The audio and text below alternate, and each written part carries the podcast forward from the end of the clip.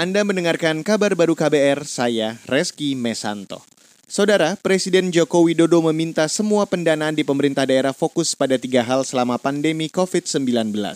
Menurut Jokowi, keputusan tersebut diambil agar di 2021 apa yang sudah terjadi dan dilakukan di 2020 bisa diperbaiki, terutama dari sisi pembangunan.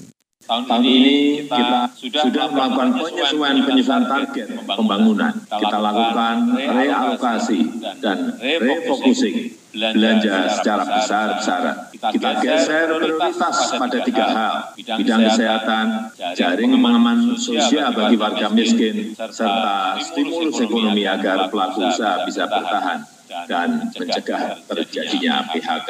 Kita butuh kecepatan untuk keselamatan seluruh rakyat Indonesia. Presiden Jokowi juga meminta pemerintah daerah bersiap dengan langkah mitigasi, mulai dari skenario ringan hingga berat. Itu karena belum diketahui kapan pandemi berakhir.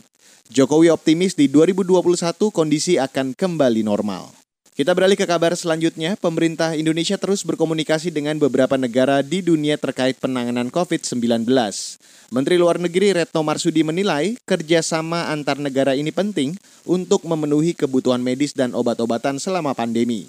Ia mengklaim Indonesia juga mendapatkan akses obat-obatan dengan harga terjangkau, termasuk vaksin corona jika nanti ditemukan.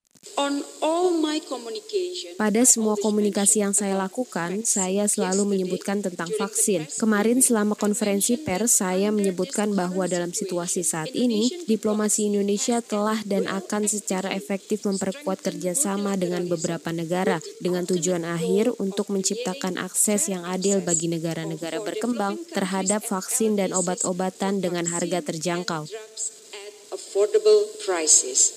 Menteri Luar Negeri Retno Marsudi menyebut selama sepekan terakhir Presiden Joko Widodo telah berkomunikasi dengan beberapa pemimpin negara lain. Di antaranya yaitu Presiden Amerika, Korea Selatan, Iran, Perdana Menteri Jepang, dan India. Dalam komunikasinya, Presiden Joko Widodo menekankan perlunya kerjasama global untuk penanganan pandemi COVID-19. Kita beralih ke kabar mancanegara.